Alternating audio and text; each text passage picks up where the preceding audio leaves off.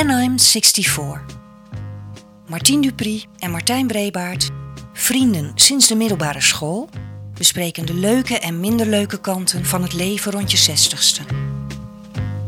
Will you still need me? Will you still feed me? Aflevering 20. Schapen tellen of toch een pilletje? When I'm 64. Welkom bij aflevering 20. Martien, aflevering 20. Ons vierde lustrum, man. Zitten we twintig keer hier aan de eettafel. 20 keer hebben we hier gezeten. Dit is de twintigste aflevering van de podcast When En het I'm wordt steeds 64. leuker. Ja, het wordt steeds leuk. Ehm, nou, we gaan zo dadelijk natuurlijk uitgebreid vertellen wat we vanavond allemaal in petto hebben. Maar, Maar, eerste vraag Martijn, voor de twintigste keer. Heb je nog wat meegemaakt? ja, ik kan je wel iets leuks vertellen. Ik heb, eh, zoals jij weet, jij weet het als geen ander. Op de middelbare school al was mijn grote liefde voor eh, kleinkunst natuurlijk. Eh, maar tijdens mijn studententijd kreeg die liefde nog een forse boost. Doordat ik het programma Achter de Wolken is Zonneschijn van Cabaret Ivo de Wijs met een K in eh Tingeltown in Amsterdam Ja. zag. Ik werd uitgenodigd door een vriendin. Die zei, nou, misschien vind je dat wel leuk. En dat vond ik. Zo, Ja. ik was verpletterd door dat programma. Ik had nog nooit zoiets goeds gezien. Dus ik heb dat programma 15 keer gezien, zo niet meer. Eh, en nou ja, vanaf dat moment is, was Ivo de Wijs grote held. En ik vond het echt geweldig. Eh, waarom dit nu verteld? Omdat 45 jaar later eh, heb ik de muzikale leiding over een, op, een aantal optredens van het, het Nederlied Kleinkunstkoor. En die hebben een voorstelling In Amsterdam, waarbij, ja. ja, waarbij Ivo als gast is uitgenodigd. En eh, ik ben dus bij hem op, eh, op bezoek geweest. Eh, mijn oude, oude hel. En het is nu ook letterlijk, maar hij is 77 Ja. jaar. Hè? Maar wat een manier om 77 te worden, Martin. Ik bedoel, die man bulkt nog van de energie. Hij gaat s'nachts nog naar Nacht der Poëzie om daar iets voor te lezen. Hij is nu bezig met een kinderboek van Dr. Anders P. Dat hij een groot promotor is van de Dr. Anders P. repertoire. En het liedje wat we samen gingen doen, komt dus uit dat programma wat ik 45 jaar geleden zo fantastisch vond. En nou ja, hij heeft een blaadje in zijn Want hand. hij gaat, hij gaat zingen. Hij gaat zingen. Ja. Hij heeft een blaadje in zijn hand en ik geef het eerste akkoord. En hij zingt het alsof hij het gewoon iedere dag 45 jaar lang gezongen heeft. Het is echt helemaal ja. geweldig. Dus ik kreeg daar echt kippenvel van. Op die manier wil ik ook wel 77 worden. Ja. Het was wel echt heel erg leuk. En jij hebt je ook een, een, eh, zo'n eh, lekker vrolijk verhaal dit keer, Martien. Jawel, nou, wij hebben het de vorige keer gehad over eh, slaapstoornissen. Toen bleek dat, uit het, in het gesprek bleek dat ik met een behoorlijke slaapstoornis rondloop al, al mijn hele leven. Ja, toch hè? Ja, nou ja, ik heb er zelf niet, niet, niet echt... De laatste tijd toevallig weer wel, maar niet heel erg veel last van. Dus ik dacht, laat ik eens op internet kijken, ook ter voorbereiding voor vanavond.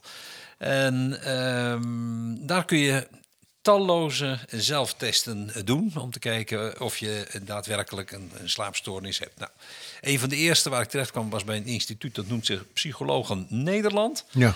En die raadt mij aan, dus de uitslag van de test, om de zogenaamde cognitieve gedagstherapie te gaan doen. Gedagstherapie? De, de gedagstherapie.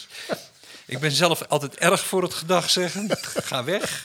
Maar Goed, dus jij in ging naar de verband- volgende. Ja, de volgende. Een wat meer serieus instituut, het Trimbos Instituut in Utrecht. Kijk. Ja, gedaan. Zij eh, testen je op drie eh, elementen: stress, slapen en piekeren. Nou, En hoe was je score? Ik kan bijna niet nou, we wachten. scoren. Nee, dit- dit heeft aandacht nodig, staat er op eh, het uitslagformulier. Ja. Zowel stress start de training, slapen start een training, als piekeren start de training. Oh, dat was niet zo'n goede Nee, score. en daaronder staat met grote letters: dit gaat goed. Oh, dat is punt. gelukkig. Ja, en daarna is het blaadje gewoon blanco. Er staat niets meer. Er staat niks. Nee, ik heb nog even gekeken. Eh, heb ik het verkeerd uit de printer gehaald? Staat er iets op de achterkant? Er gaat, er gaat niks goed. Nee. Het gaat eigenlijk, is het weer als de rest van mijn leven. Er gaat gewoon. Ja, dan kunnen ze misschien beter goed. weglaten. Ja. Oh ja, ik zie het nu ook staan. Ja. Ja. Dit gaan we eventjes op Instagram zetten, want dat is wel hilarisch. Staat ook met dikke vette hoofdletter. Dit gaat goed, dubbele punt. En dan is het verder... Niks. Nou, er is wat te doen. Ja, en waar gaan wij het over Ja, hebben vanavond? nee, dat eh, sluit wel mooi aan. Ja, een beetje Kijk, we hebben het natuurlijk verleden week hebben we het gehad over wat is dan zo'n slaapstoornis eigenlijk. Eh, maar we dachten van nou, misschien moeten we deze week eens gaan kijken wat kunnen we er eigenlijk tegen doen? Wat is er aan, aan, aan, aan medicamenten? En dat is nogal wat. Eh, wat gaan we eraan doen? Zijn die pilletjes eh, echt bezwaarlijk? Ja. Hè? Als je nou eens een keertje wil slapen. Eh, dat besprak ik met mijn huisarts. Ik ben even bij hem langs geweest. Eh, jij hebt nog een slaap, mag ik, moet ik zeggen, slaapcoach op internet gevonden die we, die we zijn gaan bellen. Een psycholoog, ja. Een psycholoog, Ja. oké. Eh, er zijn bepaalde termen, jij noemde er al een paar, die deze uitzending veel voor zullen komen. Slaaphygiëne ben ik tegengekomen, cognitieve gedragstherapie. Het zijn vaak voorkomende termen die zowel door Francisca genoemd worden als door de artsen. Ehm, maar misschien is het wel goed om dit keer ook weer te beginnen met de brief eh, van je dochter. Of Ja, is dat ja, uitstekend. Ben goed? benieuwd. Gaan we eerst luisteren naar of Marijn daar ook een oplossing voor heeft. Brief aan mijn vader. Elke aflevering schrijft Marijn Iwema een brief aan haar vader Martien. Vandaag de brief van donderdag 13 oktober. Hoi pap. Oké, je piekert dus niet. Maar eigenlijk gaf je op mijn belangrijkste vraag geen antwoord. Zou je er therapie voor willen aangaan? Want, en ik realiseer me dat het nogal wiedes is dat een psycholoog dit zegt, maar het is niet minder waar. Therapie is echt het beste medicijn tegen insomnia. En als ik je zo hoor en meemaak, je hebt insomnia, pap. Vaak werkt medicatie goed op korte termijn, maar op lange termijn zijn de effecten van cognitieve gedragstherapie, CGT, voor insomnia echt het best. Nou, jij bent niet zo van het toegeven dat je iets hebt waar wat aan gedaan kan worden. Niet van oefeningen en al helemaal niet van therapie. Maar als ik je nou vertel dat ik in mijn praktijk mensen heb waar CGT echt heel goed bij helpt. En dat de CGT voor insomnia vaak maar zes sessies beslaat. Nou, bij CGT voor insomnia krijg je eerst heel veel informatie. Ja, oké, voor jou na deze podcast is dat misschien niet meer zo nodig. Maar je leert ook heel veel over slaaphygiëne en gaat aan de slag met, zoals wij dat noemen, stimuluscontrol. Ja, je leert je bed weer te associëren met slaap in plaats van met wakker liggen. En dat betekent dat wanneer je 30 minuten wakker ligt, je uit je bed gaat. En hierdoor creëer je weer verschil tussen slapen en waken. En daarnaast ga je ook aan de slag met slaaprestrictie. Door je bedtijd te beperken slaap je minder en hierdoor wordt de slaapdruk verhoogd. En als gevolg daarvan heb je minder moeite met slapen en blijven slapen. Ten slotte ga je ook op zoek naar de misvattingen die je hebt over slaap en ga je die uitdagen. Bijvoorbeeld, ik moet zonder wakker worden slapen, want alleen dan ben ik morgen uitgerust. Ja, uit wetenschappelijk onderzoek blijkt dat 55 tot 90 procent van de cliënten die deze therapie hebben gedaan, hierna significant beter slaapt.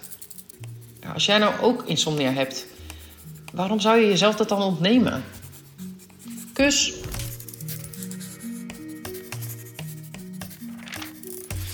Therapie. Ja, Marijn. Therapie en ik is geen gelukkige combinatie. Ik verzet me daar eh, enorm tegen. Ik zou eigenlijk niet weten waarom, maar het is zo. Het is wonderlijk, want jij bent natuurlijk therapeut. Je man is therapeut. Dus ik zou er meer vertrouwen in moeten hebben, maar dat kost me veel moeite. Ehm, jij zegt therapie is de beste medicijn. Op dat moment denk ik al meteen bij medicijn denk ik aan pilletjes. En dan denk ik bij mezelf, zou het nou niet mogelijk zijn? Oké, die therapie, ik geef het je, ik ga dat doen. Die zes sessies, dat moet ik toch ook kunnen? Maar daarnaast zou ik zo graag willen dat ik een pilletje had om eens één keer, één nacht zorgeloos in te slapen en te blijven slapen. En dat is een wens waarmee Martijn naar zijn huisarts ging, Pim Noordermeer, om aan Pim Noordermeer te vragen: geef mij eens zo'n pilletje en laat me een nacht slapen.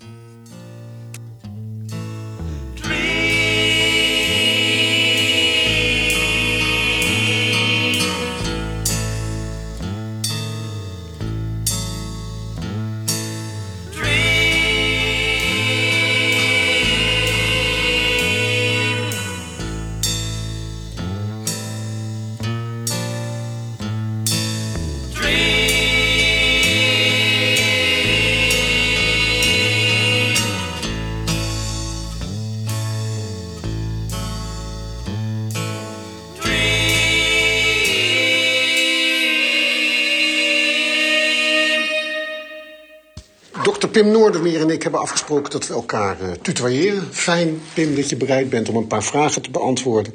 Ik ga er ogenblikkelijk vanuit dat een pilletje niet werkt bij het bestrijden van de oorzaken van het slaap. Maar stel nou dat ik een paar nachten niet geslapen heb en ik wil vreselijk graag een keer slapen.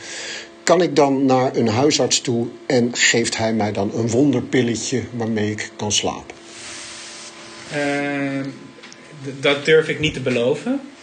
Uh, alles valt of staat eigenlijk heel erg met de reden waarom iemand niet goed kan uh, slapen. En als je daar duidelijke stressoren voor hebt, je hebt een drukke periode op je werk bijvoorbeeld, dan geven we wel eens voor een paar dagen slaapmedicatie. Maar we zijn daar als artsen heel erg terughoudend in, um, vanwege het verslavende karakter van slaapmedicatie. Wij maken natuurlijk de podcast met name voor 60-jarigen. Ik heb begrepen niet dat slaapgebrek daar ook vaker voorkomt.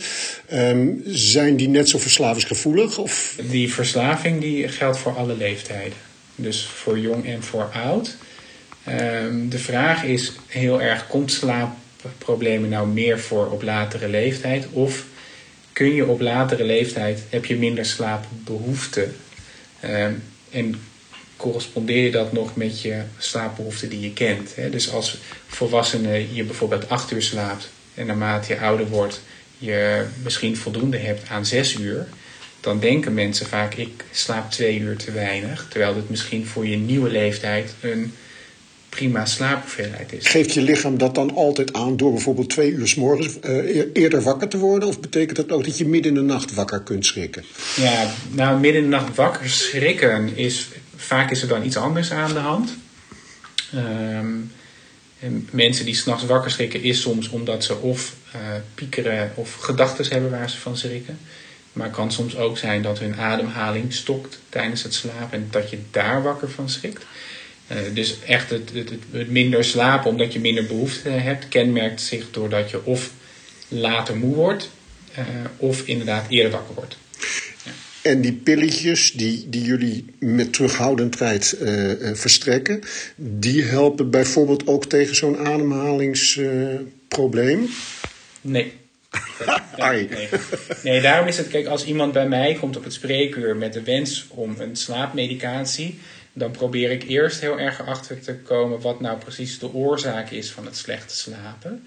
Wat lang niet altijd is een slaappil daar de oplossing voor. Ons behandelplan start eigenlijk ook met slaaphygiëne, noemen we dat. Dus dat zijn allerhande tips die je zelf kunt toepassen om uh, in te zetten tegen je slaapproblemen. En dat varieert van uh, geen alcohol drinken, uh, fysieke activiteit, zorgen voor weinig stress. Ik was aan het opzoeken of een warm bad nemen voor de slaap nou goed of slecht is. En ik heb een site gevonden waarop dat werd aangeraden en een site gevonden waarop dat in verband met je lichaamstemperatuur wordt afgeraden. Dus soms weet je het ook nee. niet helemaal. Nee, dingen als uh, baden, warm of koud, staat niet in onze slaaphygiëne. Ik denk dat het gewoon dat daar geen, uh, uh, ja, we noemen dat geen evidence voor is, dus geen bewijs voor is. Is die slaaphygiëne ergens terug te vinden op, op, op huisarts.nl? ja, op huisarts.nl denk ik dat er een folder staat over ik heb last van slapeloosheid. En daarin staan vaak tips die je kan volgen.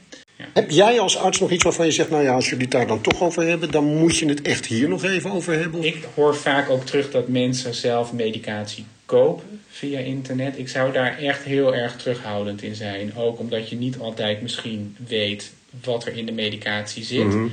Of dat je misschien toch medicatie uh, koopt waar je verslaafd aan kan raken. En dat kun je al binnen twee weken zijn aan slaapmedicatie. Ik denk dat het ook goed is om te realiseren dat de klassieke slaapmedicatie die suf maken, ook je reactievermogen uh, ja, ja. beïnvloeden. Je mag ook niet autorijden. Je mag niet autorijden en je hebt met name op hogere leeftijd een, is er een relatie tussen slaapmedicatie en vallen. Oh ja. En met vallen bijvoorbeeld gebroken heupen. En Kijk. met gebroken heupen bijvoorbeeld ook kans op overlijden. Dus de, dus gaan we toch maar schaapjes tellen, denk ik. En gewoon zorgen dat, uh, dat de symptomen bestreden ja, Of of de bespreken met, met de huisarts Zeker. uh, waar je Ja. last van hebt. Die, uh, als het goed is, zal de huisarts met jou kijken waar aandachtspunten kunnen liggen om de kwaliteit van de slaap te verbeteren. Juist. Oké, nou, dat is een mooie conclusie. Heel erg bedankt. Geen dank.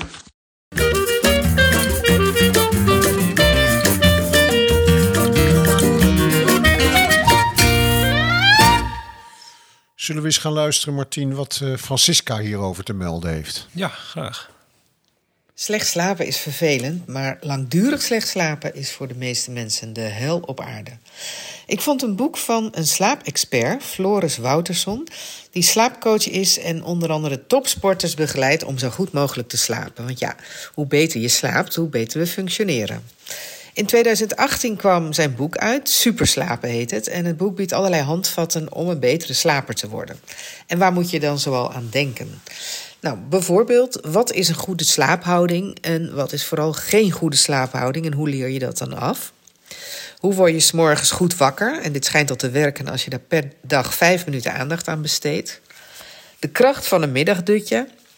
Voedingsmiddelen. Welke kun je het beste eten om goed te slapen en welke kun je beter laten liggen? Uh, nou, dat soort dingen kun je dus aan denken. Dus voor iedereen die graag meer wil weten over slaap en tips wil om beter te slapen, is dit een handige gids. En deze jongen weet er wel het een en ander vanaf, want hij uh, begeleidt topsporters om zo goed mogelijk te slapen, wat ik al zei. Nou, naast alle tips die je kunt krijgen over slaap, is de allerbeste het aanpassen van je denkpatronen. En dat kan met cognitieve gedragstherapie. Uh, oftewel CGT. Dat is een therapie die als eerste keus wordt toegepast bij slaapproblemen. En waar gaat dat nou over? Uh, met cognitieve gedragstherapie ga je op zoek naar de gedachten die jou stress geven. En vervolgens hoe je die gedachten kunt ombuigen. Waardoor je uiteindelijk meer ontspanning bereikt. Nou, laat CGT nou een van mijn favoriete tools zijn, die ik bijna altijd inzet als mensen bij mij in therapie komen. Dus mocht je hierin geïnteresseerd zijn, van harte welkom.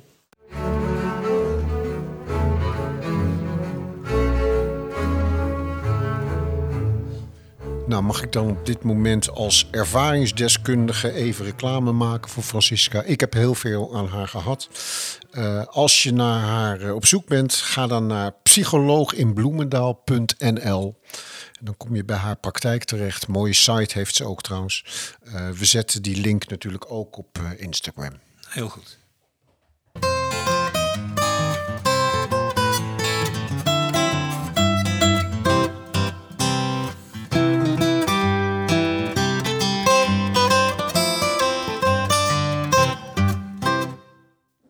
Coot, Coot van Doesburg had het deze week een beetje druk met andere dingen. Uh, we hebben toestemming gekregen om de quote van haar over te nemen. En uh, Martien kan alles, dus die doet nu gewoon de quote van Coot.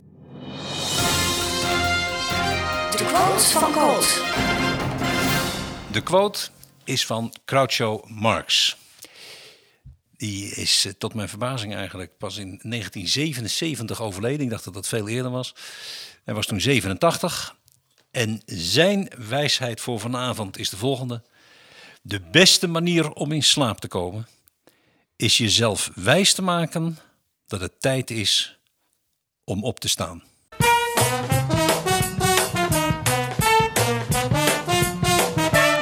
Ik vind het een geweldige quote. Ik herken dat denk ik als geen ander. Ik kan nachten wakker liggen en s ochtends als de wekker gaat, denk ik, ik wou dat ik nog even kon blijven liggen.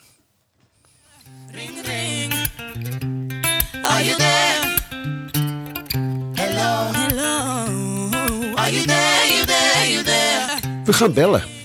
En dat doen we met psychologe Barbara Mulder, medeoprichter en een van de therapeuten van Slaapmakend, een instituut dat door middel van therapie slaapstoornissen behandelt. Hello, hello. Are you there, you there, you there? Hi, met Barbara van Slaapmakend. Hey, dag Barbara, goedenavond. Wij proberen de afgelopen uh, afleveringen, de laatste afleveringen, uh, wat aandacht te besteden aan slapeloosheid. En vanavond in het bijzonder is er iets aan te doen. En wij zijn erachter gekomen dat jouw instituut, of het instituut waar je deel van uitmaakt, slaapmakend, zich gespecialiseerd heeft in slaapstoornisbehandelingen en dan met de cognitieve uh, therapie. Ja, dat klopt helemaal. Kun je iets vertellen over wat die therapie inhoudt? Ja, kort samengevat zou je kunnen zeggen dat een cognitieve therapie eigenlijk een therapie is waarbij de cliënt zelf best wel actief aan de slag gaat. Met verschillende doe- en denkoefeningen. Mm En waarbij we ons focussen om het ja, dysfunctioneel gedrag en dysfunctionele gedachten eigenlijk om te zetten naar functioneel gedrag en ook functionele gedachten. Je moet zelf, als, eh, als cliënt in dit geval, je moet wel iets doen blijkbaar. Ja, klopt. Je kunt niet uh, gaan zitten en hopen dat het overgaat. Nee, ik Dus, dacht, eh, jij vertelt mij wat, uh, wat er aan de hand is en dan is het klaar. Maar zo werkt het niet. Nee, nee, helaas niet. Je moet echt zelf aan de bak. Ja, Maar je wordt wel natuurlijk door ons stapsgewijs meegenomen in, in de stappen die je, ja, je kunt en mag zetten, zeg maar. ja, Want wat er vaak een beetje gebeurt, is dat mensen slecht slapen en eigenlijk dan um, ja, weer een bepaald gedrag gaan vertonen in de hoop dat ze beter gaan slapen. Dus ze gaan Mhm. bijvoorbeeld juist langer op bed liggen, Ja. in de hoop hun uren nog binnen te krijgen. En dat werkt dan eigenlijk juist averechts. Dus wat heel erg belangrijk is bij het oplossen van een slaapprobleem, is om niet naar één dingetje te kijken. Hè. Je kunt bijvoorbeeld yoga gaan doen voor meer ontspanning. ja, Maar als je yoga doet en je hebt nog steeds heel veel stress over het niet slapen, dan zul je nog steeds niet goed slapen. Want dan zorgt het samen nog niet voor die goede slaapkwaliteit. Mhm. Dus wat wij eigenlijk doen is een hele integrale aanpak. Waarbij we naar allerlei ehm, ja, verschillende invalshoeken kijken eigenlijk om die slaap te verbeteren. Dat zijn dan vijf belangrijke pijlers waar we mee aan de slag gaan. De eerste pijler is inzicht krijgen in jezelf. oh god. Uh, dus ja, als mensen iets willen veranderen, moet je eerst goed in kaart hebben. Hoe ziet het er eigenlijk Ja. uit? Hè? Hoe zit het eigenlijk in het echt? Ja, En dan kun je pas iets gaan veranderen. Ja, Nou, pijler 2 is leefstijl. Want slapen gaat niet alleen over het slapen zelf, maar ook over de hele leefstijl eromheen. Ja. Dus de, de nacht is natuurlijk deels ook een afspiegeling van de dag. ja, Nou, als derde slaapgewoonte. Dus wat moet je nou juist wel of juist niet doen om goed te slapen? Zowel in die nacht, maar ook bijvoorbeeld voorafgaand aan de nacht. Eh, als vierde pijler leren omgaan met stress. is een hele belangrijke. Zeker als we slecht slapen, dan eh, worden onze stresssystemen ook wat actiever. ja, En dan is het dus extra belangrijk om die stresssystemen eigenlijk weer tot rust te gaan krijgen. En als vijfde pijler cognities onderzoeken, dat zijn ja, allerlei gedachten en overtuigingen die mensen kunnen hebben over de slaap. Er bestaan ook heel veel fabels over slapen. Dus een van de fabels is bijvoorbeeld hè, de uurtjes voor twaalf tellen dubbel. Daardoor kunnen mensen heel erg hun best gaan doen om op tijd in bed te gaan liggen, terwijl het misschien helemaal niet bij hun bi- biologische klok past. nee, nee, dat, Ja, ja, en door wat anders naar die slaap te gaan kijken, eh, daar wat milder en luchtiger tegenaan te gaan kijken en misvattingen bij te stellen, eh, ja, het heeft ook een positief effect op het slapen. Duidelijk. ik begrijp het. Ja, ik, word- ik word nooit zo vrolijk van die lijstjes van, van vijf. Daar kun jij niks aan doen, eh, Barbara, maar... Ik, ik, en iedere keer eh, voldoe ik er allemaal niet aan. Dus, maar ik hoorde dat eh, in het gesprek met de huisarts ook. Ouder, als je ouder wordt, heb je minder slaap nodig. En, en eh, dit soort verhalen. Ik, ik, ik laat me dat eigenlijk niet aanleunen. Ik zou zo graag gewoon een nacht willen slapen. En ook gewoon kunnen uitslapen en zo. Maar dat zit er dus op de een of andere manier niet in. Nou, misschien wel nadat je dat lijstje van vijf dingen bent afgegaan. Ja, precies. vraag ik vind inderdaad. het denk want, ja, want misschien zit het er nu niet in, maar als je zo al die knoppen gaat draaien, Ja. zou het zomaar kunnen. Kijk, het uitslapen is wel iets wat ehm, ook biologisch gezien de een wel kan en de ander niet. Dus daar zitten echt Mhm. individuele verschillen in. Dus dat kan ik je niet beloven of je dat kunt gaan leren. Maar goed in- en doorslapen, daar kun je echt ja, heel vaak heel veel in verbeteren. Dus waarschijnlijk als we met jou samen aan al die knoppen gaan draaien, eh, zou het zomaar kunnen dat dat dus toch een heel stuk beter voor jou gaat worden. Hey, ik, eh, Barbara, ik wil nog iets vragen. Dat, eh, het ligt voornamelijk bij Martijn. Maar wij lazen in eh, de informatie over eh, slaapmakend... dat Ja. jullie bij niet-trauma gerelateerde, ik doe het maar rustig, nachtmerries... Ja. werken met rescripting. Ja, Martijn wordt nog wel eens wakker met een, eh, een, een paniekaanval. Angstig wakker in ieder geval. ja. En is het idee van rescripting dat je zelf richting kunt geven aan je droom? Ja, richting geven aan je droom, dat is eigenlijk meer lucide dromen. Maar Aha. daar is de wetenschap eh, nog wel wat over verdeeld. Dat is echt niet voor iedereen weggelegd. Dus wij, wij werken daar eigenlijk niet mee. Maar Nee. gaat er meer over dat je eigenlijk door overdag het nachtmerrieverhaal te veranderen. Je als het ware een neuraal pad in je brein verandert. Waardoor er s'nachts ook een ander verhaal eh, ja, getriggerd gaat worden als het ware. En is dat iets wat je mij tijdens een therapie zou kunnen leren? Of, of, of moet ik daarvoor onder hypnose? Of hoe werkt dat? Nee, het is eigenlijk een hele nuchtere therapie. Het is ook een protocol van eh Jaap Lancé en Annette Schagen, die, die daar ja, een heel protocol over ontwikkeld hebben. Eigenlijk is het best wel eenvoudig. Je gaat eerst kijken van hey, wat zijn nou mijn eh, thema's van nachtmerries. En dan kijken wat zijn overkoepelende thema's En welke nachtmerrie roept ook bij mij de meeste emotie op? Nou, die ga je Ja. eigenlijk helemaal opschrijven, die droom. En die, eh, hè, in het veel bijvoeglijke naamwoord dat je een duidelijk verhaal hebt van jouw nachtmerrie, waarbij er ook iets van emotie getriggerd wordt. Vervolgens ga je hetzelfde verhaal eigenlijk weer opnieuw opschrijven, maar ga je dus een andere wending geven aan die nachtmerrie. En dat zal in de meeste ja. gevallen een positieve afloop zijn. En vervolgens lees je die nieuwe droom eigenlijk voor een periode van een aantal weken, een aantal keer per dag door. En daardoor ja, verandert zeg maar, het neurale pad in je brein, waardoor er s'nachts ook iets anders geactiveerd gaat worden. Aha. Hey, en, en is dat een deel van die cognitieve gedragstherapie of hebben we het alweer over iets anders? Ja, dit is eigenlijk wel weer een beetje iets anders, want dit is echt de rescripting therapie. En dit is niet meer de therapie wat ik je eerder vertelde met die vijf pijlers. Stel je nou voor dat ik bij jou binnenkom en ik zeg wat Martien net zei, dit is mijn probleem. Ja. Ik, ik heb nare dromen, daardoor een soort ademhalingsprobleem, ik schrik paniekerig wakker. Zeg jij dan tegen mij, we moeten die cognitieve gedragstherapie gaan doen? Of zeg je van, nou dan gaan we meteen naar die rescripting toe? Ja, nee, goede vraag. Dan zou ik toch altijd beginnen. Ik zou, zou eerst goed willen weten wat is er aan de hand. Ja, want je hebt het ook Ja. over ademhalingsproblemen. ja, dan zou ik Zeker. toch een slaaponderzoek willen laten doen om te kijken of er niet ook toevallig slaapapneu speelt. Ja, want daardoor Ja. kunnen natuurlijk ademhalingsproblemen in de nacht ontstaan. Ehm, en als ik dan zeker weet van oké, het gaat hier echt over een nachtmerriestoornis, dan zou ik alsnog beginnen met het toepassen van de cognitieve gedragstherapie. Want daar zien wij heel veel cliënten eh, nemen nachtmerries al drastisch af door eigenlijk het inzetten van de CGTI, dus die cognitieve gedragstherapie voor slapeloosheid. Omdat daar allemaal interventies in zitten die ook een positief effect hebben op de nachtmerries. Dus bijvoorbeeld Ja, ja, eh, begrijp het. ja, stressreductie is een heel belangrijke. eh, de avond ontspannen afronden, geen schermen meer, een beter ritme, iets korter op bed. Dus eigenlijk allemaal dingen die daar al in gaan helpen. Ja, slaaphygiëne. Ja, onder, onder Ja. slaaphygiëne. En als, dat, als er ondanks die goede slaaphygiëne nog nachtmerries overblijven, die dus niet geredigeerd zijn, dan gaan we inderdaad aan de slag met dat rescripting. Juist, ik snap het.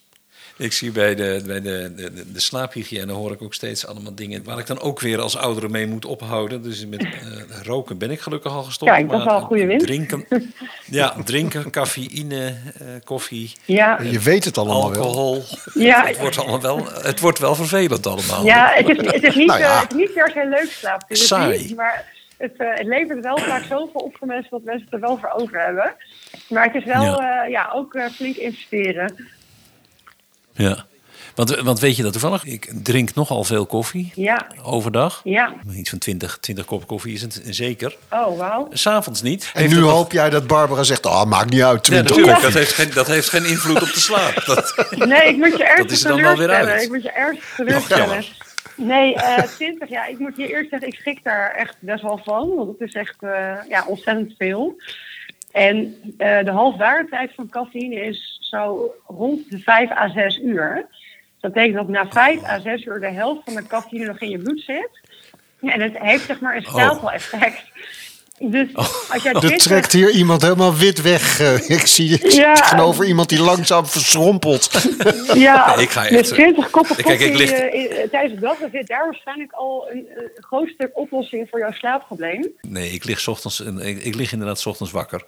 Maar ik ga het bed uit omdat ik dan koffie kan eh, gaan drinken. Dat is wel waar. Zelf ervaar ik het niet als een verslaving, maar het, blijkbaar is het niet goed. Nee, nee wat het, Het wat is het een- eigenlijk gewoon echt is, cafeïne, het is echt een stressor voor je lijf. Het Oh. is eigenlijk gewoon een drugs. En ja, als je dat dus 20 keer per dag eh, aan jouw lichaam geeft, dan zet je je lichaam eigenlijk heel erg in een stressstand. Goed, nou, ik, we gaan proberen deze klap eh, te verwerken. En, eh, Ja. gedwongen, door, gedwongen door de tijd moeten we aan dit gesprek ook een, een einde maken. Ja, Ook om te voorkomen dat we het straks ook nog gaan hebben over dat ik andere dingen ook niet meer mag. Dat lijkt me, ik vind het wel genoeg zo. ja. Zijn we wat jou betreft nog echt iets belangrijks vergeten, Barbara? Waarvan je zegt, ja, daar moeten we het toch even over hebben. Nou, ik denk dat het nog wel interessant is. eh ik denk dat jullie, eh, ja, ook van bij hoeveel mensen werkt dat nou eigenlijk, die CGTI?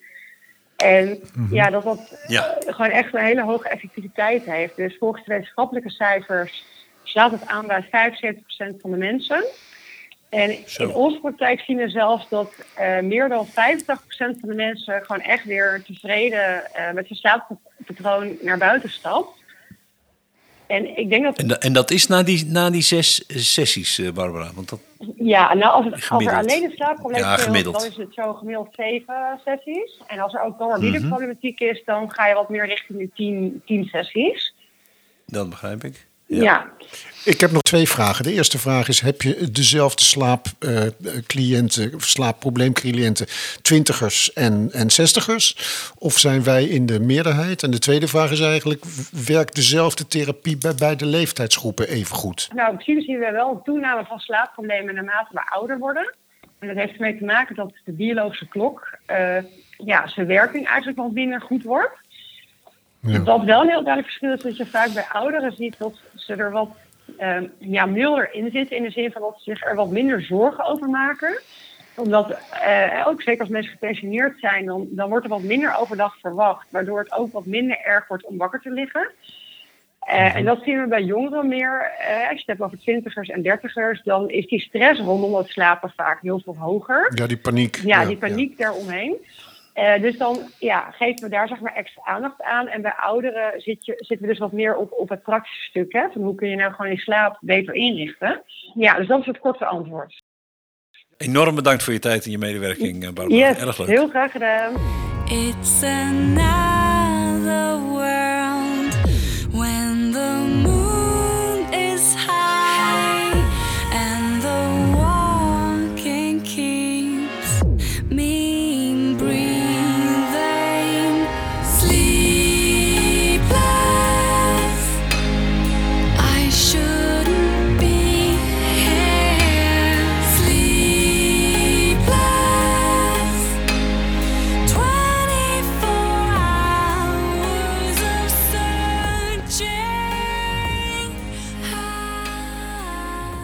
Nou, Martien, dit was eh, aflevering 2 over eh, het slaapprobleem en de oplossing. Ja. Kunnen we tot een soort eh, conclusie komen? Dat we veel vrouwelijke psychologen om ons heen hebben, dat Ja, zeker. dat. En dat, Marijn, dat we het niet op kunnen lossen met pilletjes, Barbara. want dan vallen we en dan breken we onze heup en dan overlijden we. Dus dat is het ook niet. Nee. Waar blijkbaar de, de- van huisarts tot eh, psychologen en, en ook eh, alle internetinfo het over eens is, is dat die cognitieve gedragstherapie toch echt eh, het aangewezen eh, middel is om mee te beginnen. En kennelijk ook tot goede resultaten kan leiden binnen zes sessies al. Ja, ook wonderbaarlijk. Dus met zes sessies, eh, eh, ja, dan toch wel zo'n 75, 80 procent succes. Ja, Dat is eigenlijk. eh, maar iedereen wijst daar naartoe, hè? ja. Terwijl je En natuurlijk... daarnaast, nou ja, daarnaast hebben we natuurlijk wel de slaaphygiëne. Dus hoe is de, de, de slaapkamer ingericht? Wat voor mij een, en, en hoe wordt die gebruikt? Hè? Dus niet om tv te kijken, niet om te drinken, maar je moet hem gebruiken voor slapen en seks. En wat, ja, Ja. En wat voor mij een eye-opener was, dat eh, is wat ze de hele tijd noemen slaaprestrictie. Ik heb Ja. de neiging, als ik niet kan slapen en langere tijd niet slapen, om steeds vroeger naar bed te gaan en nog langer wakker te liggen. Terwijl het idee bij slaaprestrictie is, hou eens bij hoeveel uur je nou daadwerkelijk hebt geslapen. Dat moet niet minder zijn dan vijf. Wat is je gewenste opstaantijd? Opsta-tijd. En eh, trek daar de uren van af die je denkt te slapen. Dus als je vijf uur denkt te hebben geslapen, dan ga je niet voor één uur naar bed. Dan ben je misschien in het begin wat meer moe, maar uiteindelijk leert je dat om slapen en waken uit elkaar te houden. Ik ga inderdaad de, de- ik, ik, ik ga de andere kant op. Ik ben af en toe s'avonds zo moe dat ik dan inderdaad om kwart over negen, half tien naar bed ga. Wat zeer atypisch is voor mij, maar dat gebeurt dan wel. En in hoeverre, ik vond die, die opmerking van Pim vond ik dan wel interessant. Van ja, we hebben natuurlijk ook gewoon minder slaap nodig. Hoeveel last heb jij overdag van het feit dat je slecht slaapt? Ja, dat ik me ochtends beroerd voel. Maar dat, dat, dat heb ik mijn hele leven denk ik al. Dus dat is niet... Nee, ik heb daar geen last van. Ik Nee, merk ik er helemaal niets van. eigenlijk ook niet. Ik realiseer me wel dat ik, als ik het vergelijk met Mea bijvoorbeeld, het is natuurlijk niet normaal dat ik dan om drie uur wakker ben en een uur wakker lig en dan val ik wel weer in slaap. Maar ik heb eigenlijk niet dat ik dan overdag me zo vreselijk vermoeid voel. Nee. Dat heb ik dan weer niet. Nee, ik heb het meer als ik, eh, ik... Je weet, ik heb lange reistijd van mijn werk naar huis. dan eh, heb ik wel eens het gevoel dat ik kapot ben. Maar Ja, dat ja. komt ook omdat ik een uur en drie kwartier in de auto zit. Is geen genoegen. ja, dat, dat is goed. Nee, ik heb daar geen last van. Tijdens mijn werk merk ik het niet. Ik geloof niet dat ik concentratie verlies. Of, eh, nee, dat geloof ik niet. Ik vond dat wel een fijne eh, constatering. En verder ben ik toch ook wel erg blij met dat, dat het advies zo eens- Eenduidig is. eenduidig is. hè? Ja.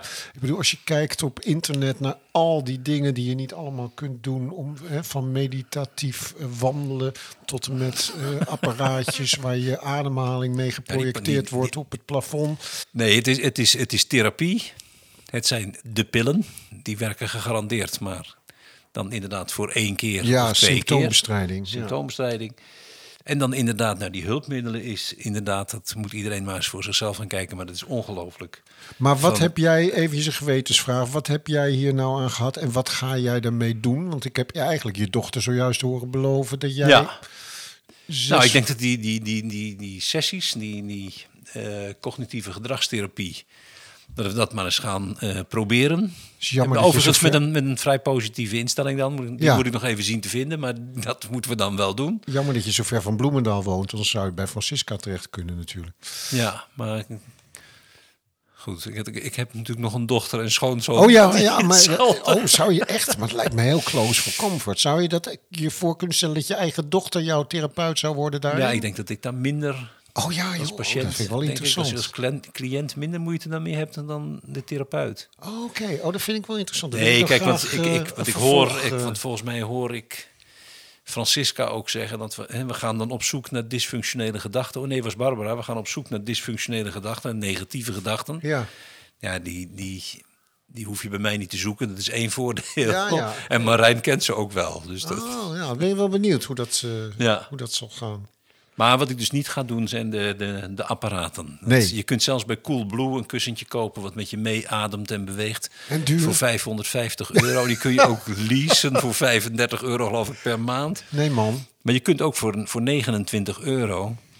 eh, kun je een ja, soort veredelde ja, vibrator eh, krijgen. En die zou het dan ook moeten doen. Dus dat is... eh, nee hoor. ja, je hebt ook meeademkussens. Ja, hou op. Nee, weet je, ik kom voor mezelf tot de conclusie afkloppen, maar het gaat met mij sowieso beter. Ik voel me veel minder gestrest. En daardoor slaap ik ook beter. Wat Francisca in de vorige aflevering zei, het is oorzaak en gevolg. En doordat je beter slaapt, voel je je ook beter. Maar het begint er denk ik mee dat ik gewoon wat, ja, wat minder gespannen ben. En Ja. dat ik daardoor beter Ik slaap. dat. Ja, ja, ik denk in de tijd dat wij, eh zal ik van de week aan te denken, in de tijd dat wij nog wel eens op de boot bleven slapen. Mooi weer, alles open. Ja, Sliep ik ook altijd. Ja. En dat heeft toch met ontspanning te maken, precies. vrees ik. Goed, nou, ik ben eh, heel benieuwd. We gaan het traject van jou eh, zeker volgen natuurlijk. Ja, helemaal goed. Bloemetje van, bloemetje van, het bloemetje van Martin. Ja, en vanavond dan toch geen bloemetje. Want we hebben er eens over nagedacht. En we gaan iets anders proberen. We gaan het bloemetje afwisselen met een item van Martijn. Martijn gaat ons wisselend met het bloemetje kennis laten maken met een bijzonder detail uit de muziekgeschiedenis. Ja, het is helemaal nieuw, dus ik krijg vast ook nog wel een eigen tune. is en geen zo, tune nog. Nee, je hebt ook nog geen titel, dus ik leen nu even jouw bloemetje. Ja. Eh, maar ik heb een leuk eh, voorbeeld voor je, Martien. Eh, luister, we lopen eventjes naar de studeerkamer. Dan speel ik de laatste maten van een fuga van Bach Ja. in G mineur. Moet jij eens opletten. Dat gaat dan zo.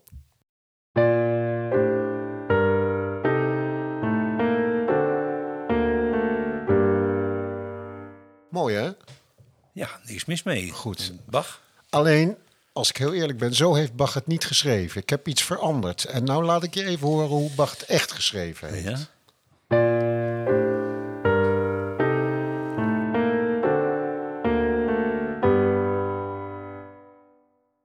Ja, prachtig. Ik, ik hoor dat er iets is gebeurd. En ik vind het mooi. Maar wat is er nou gebeurd? Nou, wat je hoorde is, dat noemen we een Picardische terts.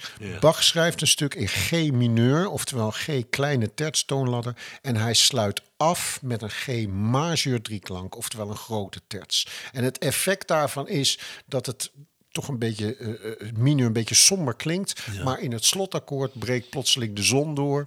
Eh, komt het toch opeens nog goed met de wereld. Ja. Het wordt wel de happy ending uit de muziek genoemd. Kijk. Komt in de klassieke muziek heel vaak voor. Ik heb ook een leuk voorbeeld gevonden in de lichte muziek. Joni Mitchell schrijft in Tin Angels. Haar laatste regels zijn... Guess I'll throw them all away... I found someone to love today. Nou, je voelt hem al Ja. aankomen. Het hele, het hele eerste gedeelte van het nummer staat vol met trieste herinneringen, met niet vervulde liefdesrelaties. Allemaal in mineur, een beetje verdrietig. Maar na de zin I found someone to love today breekt de zon door en gebruikt Joni Mitchell een Picardische terts. Dus een grote terts in een stuk waar je een kleine terts verwacht. Letters from across the seas. Roses dipped in sealing wax. Valentines and maple leaves. Tucked into a paper bag. Guess I'll throw them all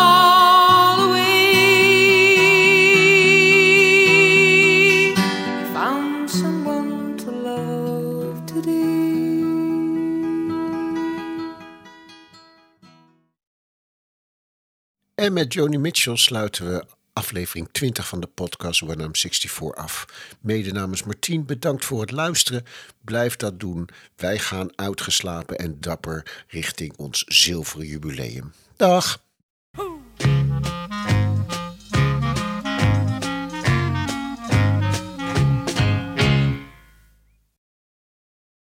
Vind je dit een leuke podcast?